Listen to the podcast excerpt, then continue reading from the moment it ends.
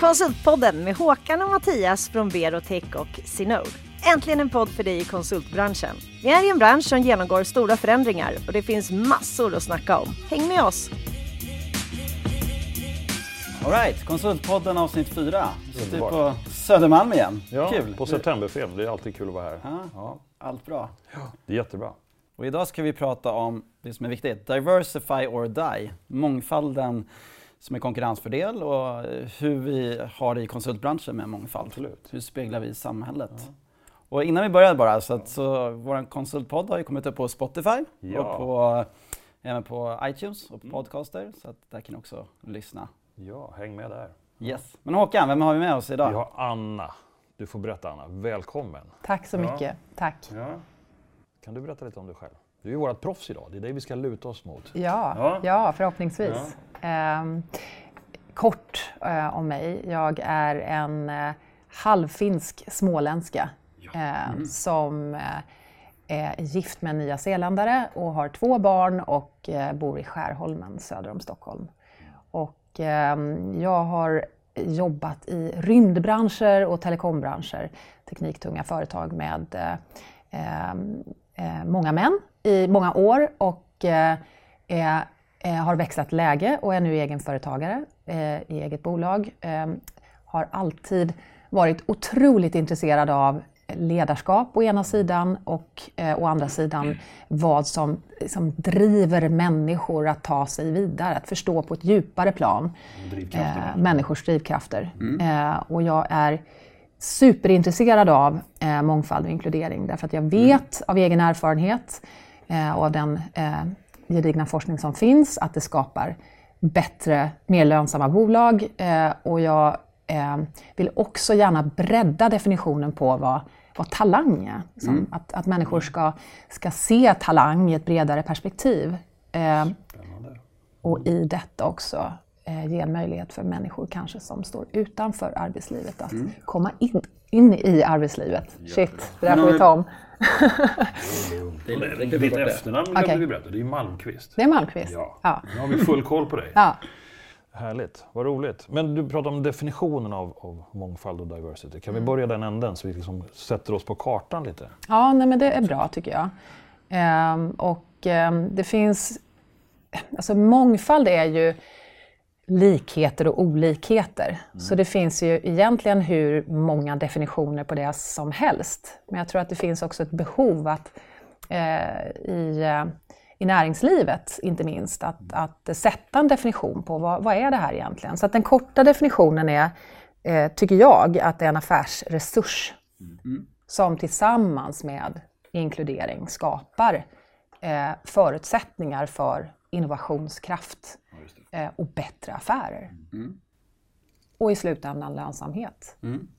Och så pratar du om två olika typer av mångfald. Identitet och Ja, precis. kognitiv. Eh, så, mm, precis så. Eh, mångfald i identitet, eller identitetsmångfald, där skulle man kunna eh, ha som utgångspunkt eh, de sju olika diskrimineringsgrunderna. Eh, som, som är ålder, sexuell läggning, kön, könsöverskridande identitet eller uttryck, funktionshinder, etnisk tillhörighet eh, och religion eller annan trosuppfattning. Ehm, Men mångfald är mer än så. Ehm, Det är också det som kallas för kognitiv mångfald, eller funktionell mångfald. På engelska kallas det för diversity of thought, eller cognitive diversity. Eh, och det handlar om eh, hur vi tänker och, och våra attityder och perspektiv. Och inte minst vår problemlösningsförmåga. Eh, och det har visat sig i forskning eh, mycket tydligt att eh, team, grupper som har kognitiv diversitet i sig och en, en normal IQ eh, trumfar grupper som är homogena men med en väldigt hög IQ när det gäller att lösa komplexa problem. Och beror det på fördomar eller olika, olika synsätt med problemen? Eller? Nej, det kan det väl i och för sig göra, men det det handlar om är att eh, de här homogena grupperna med väldigt hög förmåga, de tenderar att fastna på samma ställe i problemlösningen. De kommer alltså inte riktigt loss. Men det gör alltså det teamet som har diversitet i sig. Eh, de kommer loss. Så att på det sättet så blir mångfalden en kompetens i sig. En slags hävstång för att skapa eh, innovation, innovationskraft. Ja, det är rätt coolt Det- faktiskt. Det, det låter som en startgas Ja. i motorn på något sätt att lyckas med det. Eh, Och det som är intressant i det här också, det är att eh, det man ser i de här grupperna som har kognitiv diversitet i sig, att de ofta också har mångfald i identitet. Så det finns en, en växelverkan mellan de två som är ganska intressant. Och vi pratade lite innan om att eh, homogena grupper ofta kanske överskattar sin egen förmåga. Ja, just gräva, det. gräva lite i det, det tycker jag är väldigt intressant. Ja, du, du tänker kanske på det som kallas för diversitetsparadoxen. Mm. Ja. Fina ord idag idag. Shit, ja. Nej men så, så är det, alltså, vi människor tenderar ju att leta likheter. Eh, hos eh, de vi möter. Och eh, homogena grupper, eh, de trivs väldigt bra med varandra och eh, har fokus väldigt mycket på relationen. Och eh, eh, har en tendens på grund av att det är så bra och bekvämt och härligt i de här grupperna att överskatta sin förmåga och sin produktivitet. Medan eh, de heterogena grupperna som har mer fokus på, eh, på fakta, på, på Lösa uppgiften. Ja, precis. Eh, de, presterar, eh, de, de presterar bättre, de har högre produktivitet. Men eftersom det är så mysigt och, och trevligt i de här homogena grupperna så finns det inte riktigt ett, en anledning eller ett driv eller ett skäl Att vara att bryta nyfiken och upp. ja, bryta upp. Precis. Just det. Precis just så. Det stämmer med det jag hörde av min granne Marco Helle som jobbar på Röda Korset förr i tiden. Mm. Man hade gjort någon test efter den här tragiska eh, tsunamikatastrofen när alla de här olika hjälporganisationerna åkte ner dit för att hjälpa till. Mm. Eh, och istället för att hjälpa till direkt så börjar man ifrågasätta thailändarnas egen verksamhet i första hand. Och i andra hand och i tredje hand. Under tiden man funderade på det så dog det fler människor i den här katastrofen istället för att bara ge full tillit. Så på FN-nivå efteråt sen har jag förstått så gjorde man ett, en policy om hur jobbar vi nästa gång det här händer för att möta den här mångfalden och annan sorts kunskap och annat tänk. Jo, man bestämde sig för att man skulle ge alla 100% tillit direkt. Och så får man hoppas att det tas emot på ett bra sätt och så blir det då bättre. Så det, det, det händer, men det, det är tydligt att det ska behövas en jättekatastrof Ja, men för att man ska bryta upp de här homogena grupperna lite grann. Det är, det är trist, men det är ändå bra att man har gjort någon lärdom av det. Så Nu ska företag jobba med tillit, precis. För det handlar mycket om tillit. Och man Ja. tror att man... Tillit till mer sådana som en, som en själv. Ja. Hur, hur får man bort de här fördomarna och, och hela den aspekten? Ja, det är ju en jättebra fråga. Jag, jag tänker på när du eh, pratar om det här med eh, de här erfarenheterna och eh, att, att skapa en stor eh, in-group. Så det, det slår mig också att en, en annan def, definition på, eh, på mångfald och inkludering som, som det, Det vi, är det vi kommer in på här, Ja, precis. det, det är ju att mång, om, om mångfald är ingredienserna eh, i en maträtt så är inkludering receptet. Ja. Och sen behöver du ett gott lag av kockar, ett duktigt lag av kockar för att det ska bli en god måltid. Så på något vis så hänger det, så hänger det här ihop. Ja, det är både det och ledarskapet som kanske är kockarna då. då. Ja. precis. Och, och din fråga där om tillit, jag tror att det är oerhört viktigt här att man inte bara pratar om mångfald utan man pratar om inkludering. Eh, för inkludering är ju en strategi för att implementera mångfalden i kultur och struktur. Eh, så att de måste hänga ihop. Du kan inte ha mångfald utan inkludering. Det är som att cykla på en, alltså köpa en cykel och inte cykla på den sen. Eh, så att skapa den här liksom, tilliten Eh, ja, det, där kommer vi in på vad ett inkluderande ledarskap är till exempel, eller hur man skapar kollektivt intelligenta team, eh, där man vågar bidra med sitt fulla jag egentligen.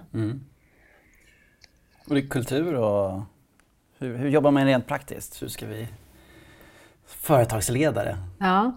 få upp det på, på kartan? Och- Det finns ju väldigt många olika sätt att, att jobba med det här, men jag tror det, det första steget är att definiera vad mångfald är för just mig eller för, mm, för det här det. bolaget. Ja, det. Alltså kanske både på ett individuellt men också på ett såklart kollektivt plan.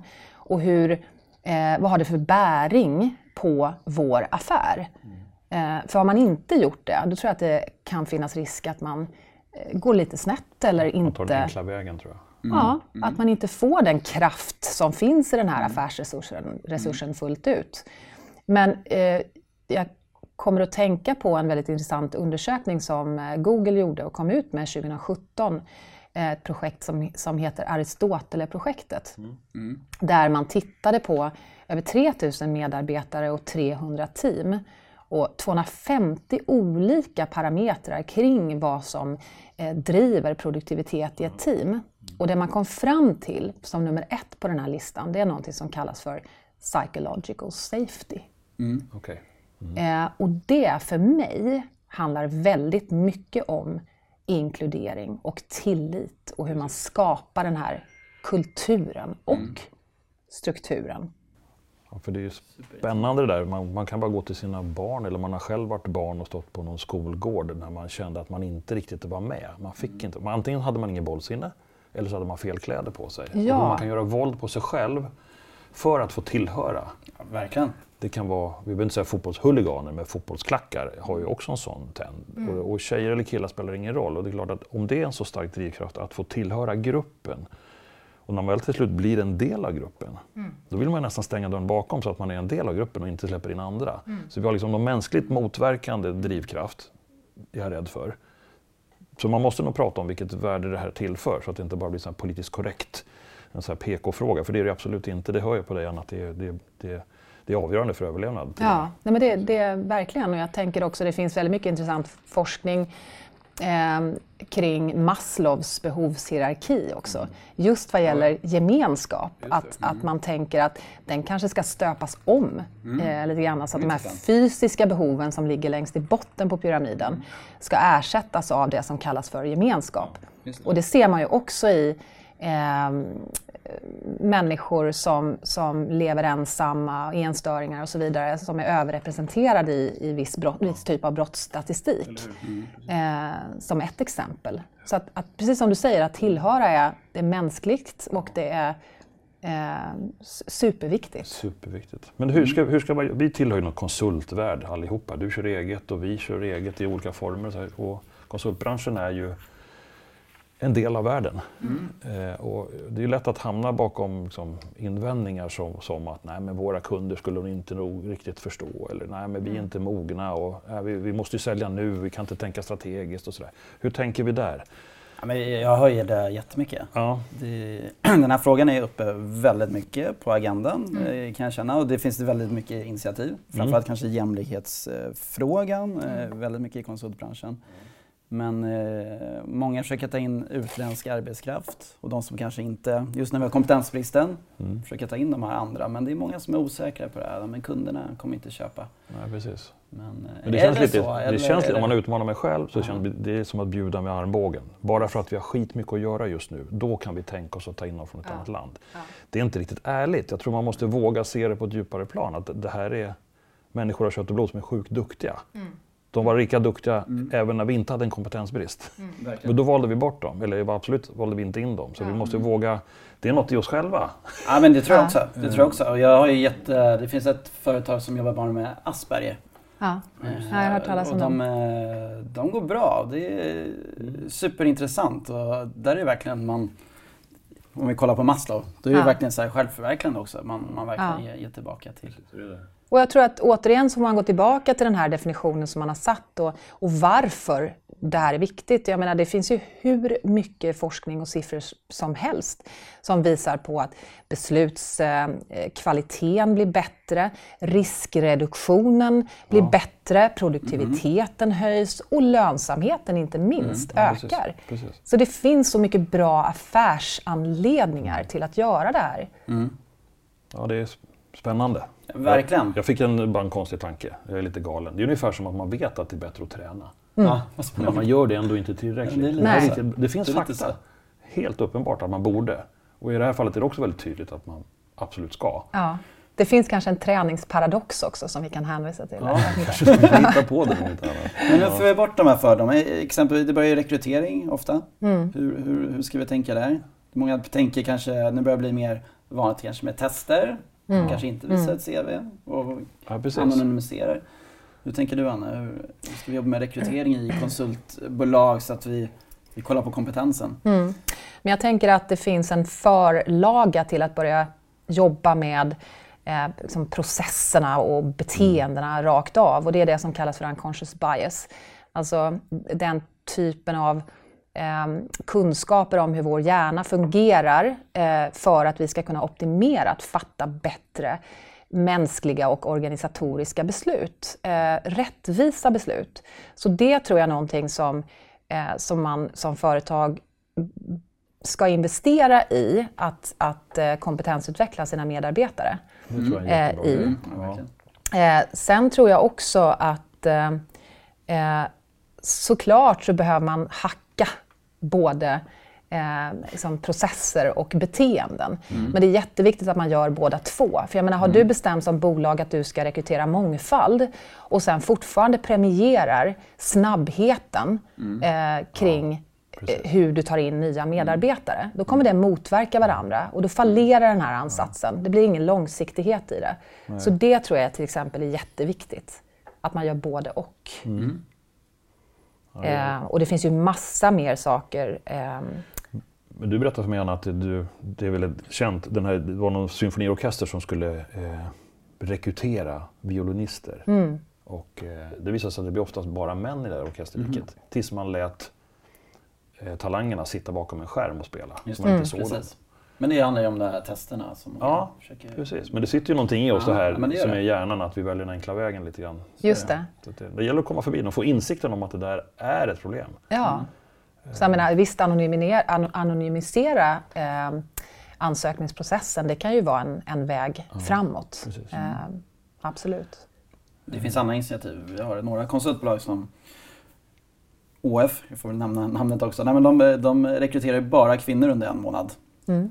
Jag tror att det kan vara rätt väg att man jag tror absolut att det kan vara rätt väg eh, att, att på något vis eh, eh, men visa vägen och sätta ett exempel och få, få igång ett beteende. Men det är också någonting som är ganska tydligt, att, att bryta ett mönster, att skapa nya spår i hjärnan kring hur vi tänker och agerar. Det tar en 6-7 veckor, mm. så att en månad är väl alldeles utmärkt. Mm. Men de, fick ju, de blev anmälda tror jag till och med. Ja, de, de fick inte ha det.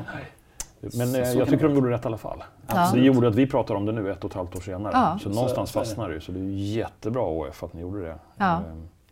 Men jag tror också när vi ändå pratar om det här, vi pratade om det lite grann tidigare, mm. den undersökning som eh, Deloitte gjorde i oktober nu 2018, eh, CIO Insider. Mm. Eh, 126 globala bolag mm. Inom tech och IT, där många konsultbolag finns representerade. Ja. Eh, där man då såg för det första att det var bara 25% kvinnor i de här bolagen, det är fortfarande på mm. tok för lågt. Mm. Eh, och den andra liksom, insikten var att man, man, är väldigt duktiga på just rekrytering. Det, och det tror jag många i Sverige också är. Mm. Jag tror man har kommit ganska långt mm. i rekryteringskompetensen. Men sen att överbrygga mm. från det att man har tagit in människor till ledningsgrupp. Ja, där är vi väsentligen mycket sämre. Ja, Män befordrar män. Män befordrar män. Mm. Ja. Intressant och tragiskt. Ja, men det är tragiskt. Men det var som vi, vi brukar mm. alltid referera till den här Sales Conference. Det var ju mm. uppenbart att eh, kvinnorna är ju, är ju de, det är ni som det kommer handla om. Om inte vi har förstått det redan nu så är det er det handlar om. Så är det Det är ju på högskolan. Så ja, precis. Och i näringslivet. Mm. Men den personen som vi träffade där då, han sa ju att företagen är byggda av män för män och man köper och säljer tjänster och produkter utifrån ett manligt perspektiv. Mm. Mm. Och det är först när kvinnorna verkligen kliver in där, tror jag, hur det nu ska gå till, som vi börjar förändra företagen och då mm. kommer det bli mer hållbart. Då kommer de här tjejerna som har blivit rekryterade mm. också stanna där. Mm. Tror jag. Eh, det tror jag också. Vi får backa tillbaka lite Mattias. Backa tillbaka? Ja, ja absolut. absolut. Jag, får... Nej, jag, tror att, jag tror att det är väldigt viktigt att, att göra de här, att, att, att göra de här initiativen och, och markera till exempel mm. genom, ja, mm. som du nämnde här, vad OF gör. Men att det inte blir en exercis i på något sätt att räkna huvuden utan att det handlar om att att skapa förutsättningar, att fatta mm. bästa möjliga beslut, att vänja människor mm. vid det. Yes. yes. Och hur är det med, med språk pratar vi mycket om. Hur är ja. det med, med, svenskar och språk? Jag upplever att svenskar är duktiga på att prata engelska men många säger att det, det är ändå svårt att komma in om man inte pratar. Eller finns det någon sanning i det eller är det bara myt? Mm. Språkkunskaper. Mm. det är en bra fråga. Um, ehm, TNS-SIFO gjorde en undersökning för några år sedan också där man tittade på europeisk basis hur eh, viktigt språkkunskap är för att fatta ett beslut och ta in en person i en rekryteringsprocess. Mm. Och svenskarna tyckte att det var absolut jobbigast eh, av alla länder, mer eller mindre. Och det kan man ju fråga sig varför det, det ser ut så. Mm. Eh, men utifrån mitt sätt att se det och min erfarenhet så språk eh, kompetensen sitter inte i språket nödvändigtvis Nej. om man inte är lingvist eller språkvetare. Mm. Eh, och eh, människor som, som, som ta, talanger, människor som är duktiga och kompetenta och får en chans. Deras språkutveckling on-site är mm. Exponentiell. Ja, och jag tror att företag kan verkligen samverka med partners. Mm. Eh, och eh, liksom, språk språkföretag mm. för att erbjuda sina medarbetare eh, mm. kurser i svenska. Det, det är en del av introduktionen. Men det finns ju bra konsultbolag nu också som, som har språk för ingenjörer och sånt. Ja, precis. Sådana initiativ, så det tror jag mycket på. Och man skapar lärande looper. Mm. Eh, det tror jag är jätteviktigt. Mm. Eh, och inte vara så jäkla rädd för Nej. språk. Det ordnar sig. Ja, det gör det. Och, och jag menar, titta på um, byggbolagen också. Eh, mm. De har ju skapat bilderböcker instruktionsböcker mm. utan språk överhuvudtaget och det mm. fungerar alldeles utmärkt. Precis. Jag tycker det har lite bäring på vårt förra eh, avsnitt som handlade om gigekonomi också, när vi blir fler och fler talanger som är egna och far runt över mm. jordklotet betydligt mm. mer än mm. förr, så tror jag att det här kommer bli en liten hjälp. Absolut. Eh, ska våra kundföretag få snabb hjälp av duktigt folk så blir det oftare talanger som är giggar än, än förr. Yes. Ja. Och de som sitter i ett annat land. Ja, och då får du kulturen och mångfalden mm. lite grann på köpet. Så jag tror att om vi nu pratar om det att det är en affärsnytta, det hör mm. jag från dig Anna, att det blir produktiviteten ökar med mm. 20 procent och antalet risker minskar med 30 tror jag du sa. Mm. Det är helt galet. Det är ju den ena delen för företaget. Men jag tror att konsultbolag skulle kanske kunna ympa in mångfald i ett traditionellt företag som inte har nått så långt ännu. Ja. Mm. Det kan Absolut. vara en tjänst eller liksom en, mm. ett extra värde man kan mm. tillföra.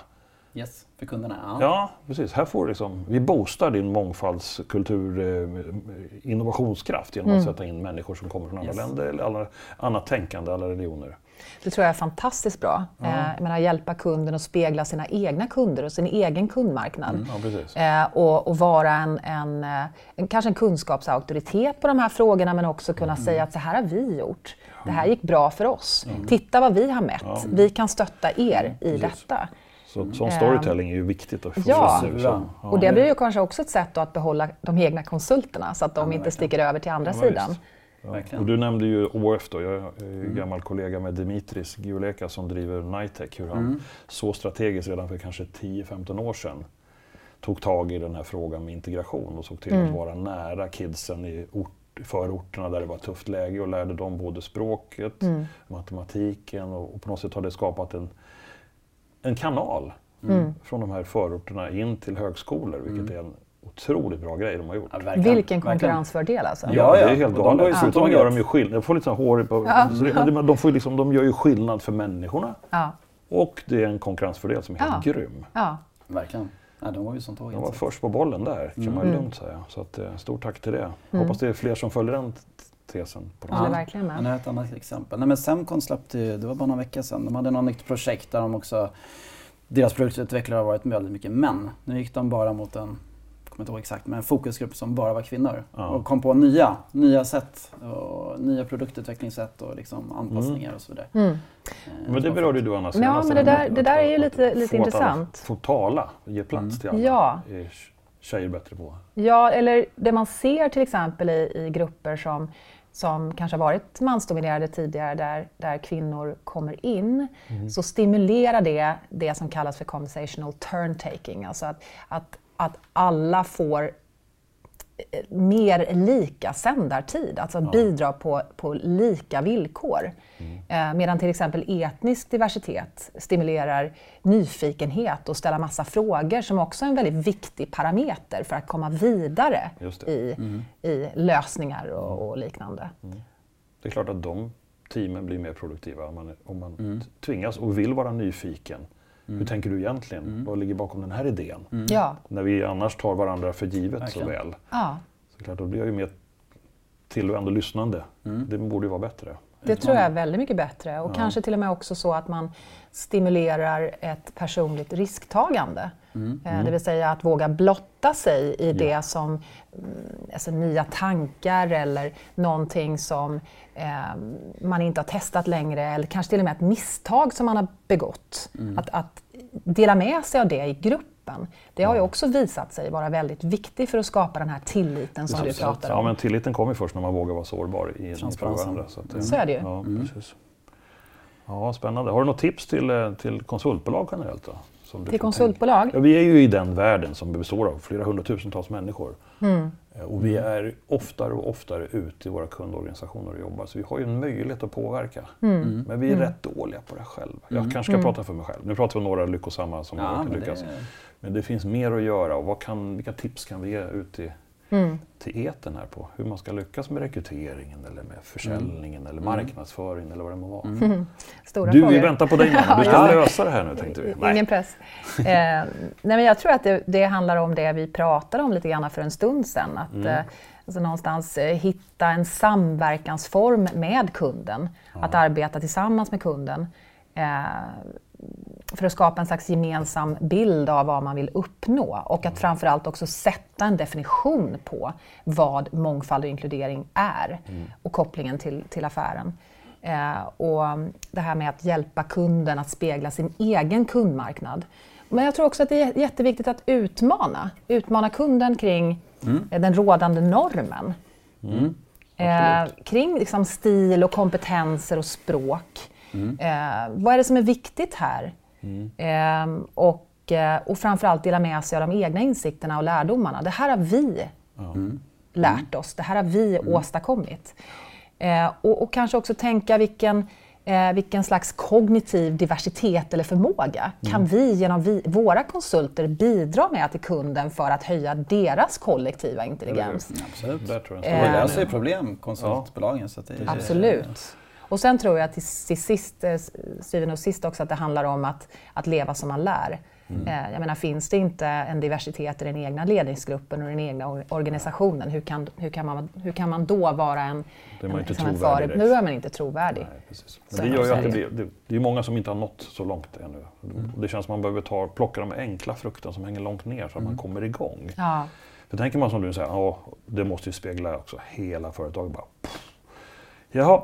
Ja, då blir det jättejobbigt. Det blir jättejobbigt. Ja. Man måste äta elefanten i små steg och det känns som att man vill ta några enkla, mm. lättplockade poäng först. Ja. Eh.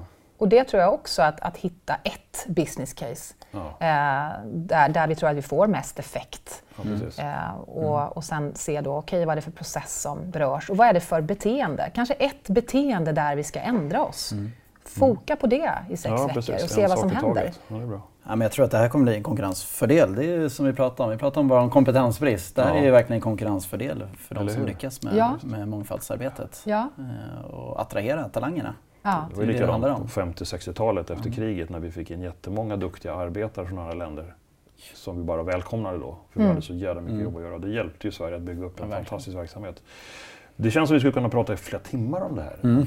Har du något slutord sådär på slutet innan vi ber dig om några tips på vad vi ska prata om framöver? Nej, men jag tänker återknyta till det här ni ja. sa om att diversify och die. Det är mm. här slaget om talangen eh, sker ja. och det är här man säkerställer en, en fortsatt eh, konkurrenskraft. Men jag skulle vilja säga också att det här är en fråga, det här är en fråga och en kompetens som ska landa på varje VDs bord. Mm. Mm. Eh, det här är någonting som man eh, behöver ta på, på ja, allvar. allvar. Det ska synas i årsredovisningarna som en av de viktiga. En del av affärsstrategin. Ja, mm. precis. Någon i ledningen borde äga frågan. Ja, och inte nödvändigtvis HR. Nej. Det kan absolut vara HR, men det kan också vara VD, det kan mm. vara CFO, det kan yes. vara mm. CTO. Mm. mm. Jättebra.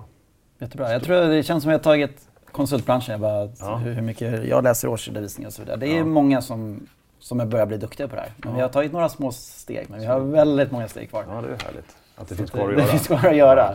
Ja, men Anna, eh, slutligen, du, du, superkul att du är här. Vad, vad skulle du vilja höra i Konsultpodden framöver? Jag skulle vilja rekommendera en fantastisk eh, kvinna, eh, tillika eh, egenföretagare och vän till mig som heter Kristina Öberg mm. som jobbar i ett bolag som heter Creobe Konsult mm. och som jobbar med eh, hälsoperspektivet. Mm. Alltså arbetsmiljö och hälsa som skapar resultat i bolag. Ja, ja. Och det finns ju en ganska trevlig koppling mellan inkluderande kulturer och eh, hälsosamma ja, bolag. Ja, men absolut. Det borde vara mindre stressfullt att jobba när man känner sig inkluderad. Förhoppningsvis, ja. Det var ett jättebra tips. Mm. Superbra. Men du Håkan? Ja. Eller förlåt? Nej, men vi lär ju fortsätta efter jul. Det här är lite grann sista innan det är... Precis vad jag tänkte säga. Ja, det är ditt ord, du får fortsätta. Nej, det, det, blir, det här blir lite juluppehåll nu så att ja. vi är tillbaka i vecka tre. Ska du göra något kul? Ja, jag ska få åka skidor hoppas jag. Det snöar uppe i fjällen idag så det känns hoppfullt. Vad härligt. Anna, ska du fira jul hemma? Eh, ja, det kommer jag nog göra, men jag åker bara skidor. Ja. Eh, extremt eh, engagerad i alpin skidåkning så okay. det, det, blir mycket köra Bra. på Kul. vägarna. Ja. Ja, spännande. kanske vi ses där Det kanske vi gör. Ja. Stort tack! Och Stort tack. Följ oss på Spotify och alla möjliga platser. iTunes och ja. Soundcloud och Acast. Och... Ja. Ja, finns tack överallt. Så tack så mycket Anna att du var med. Tack, tack för att jag fick komma. Jättespännande. Du har hört ett avsnitt av Konsultpodden med Mattias Loxi på Synode och Håkan Mild Svensson på Berotech. Producerat av Septemberfilm.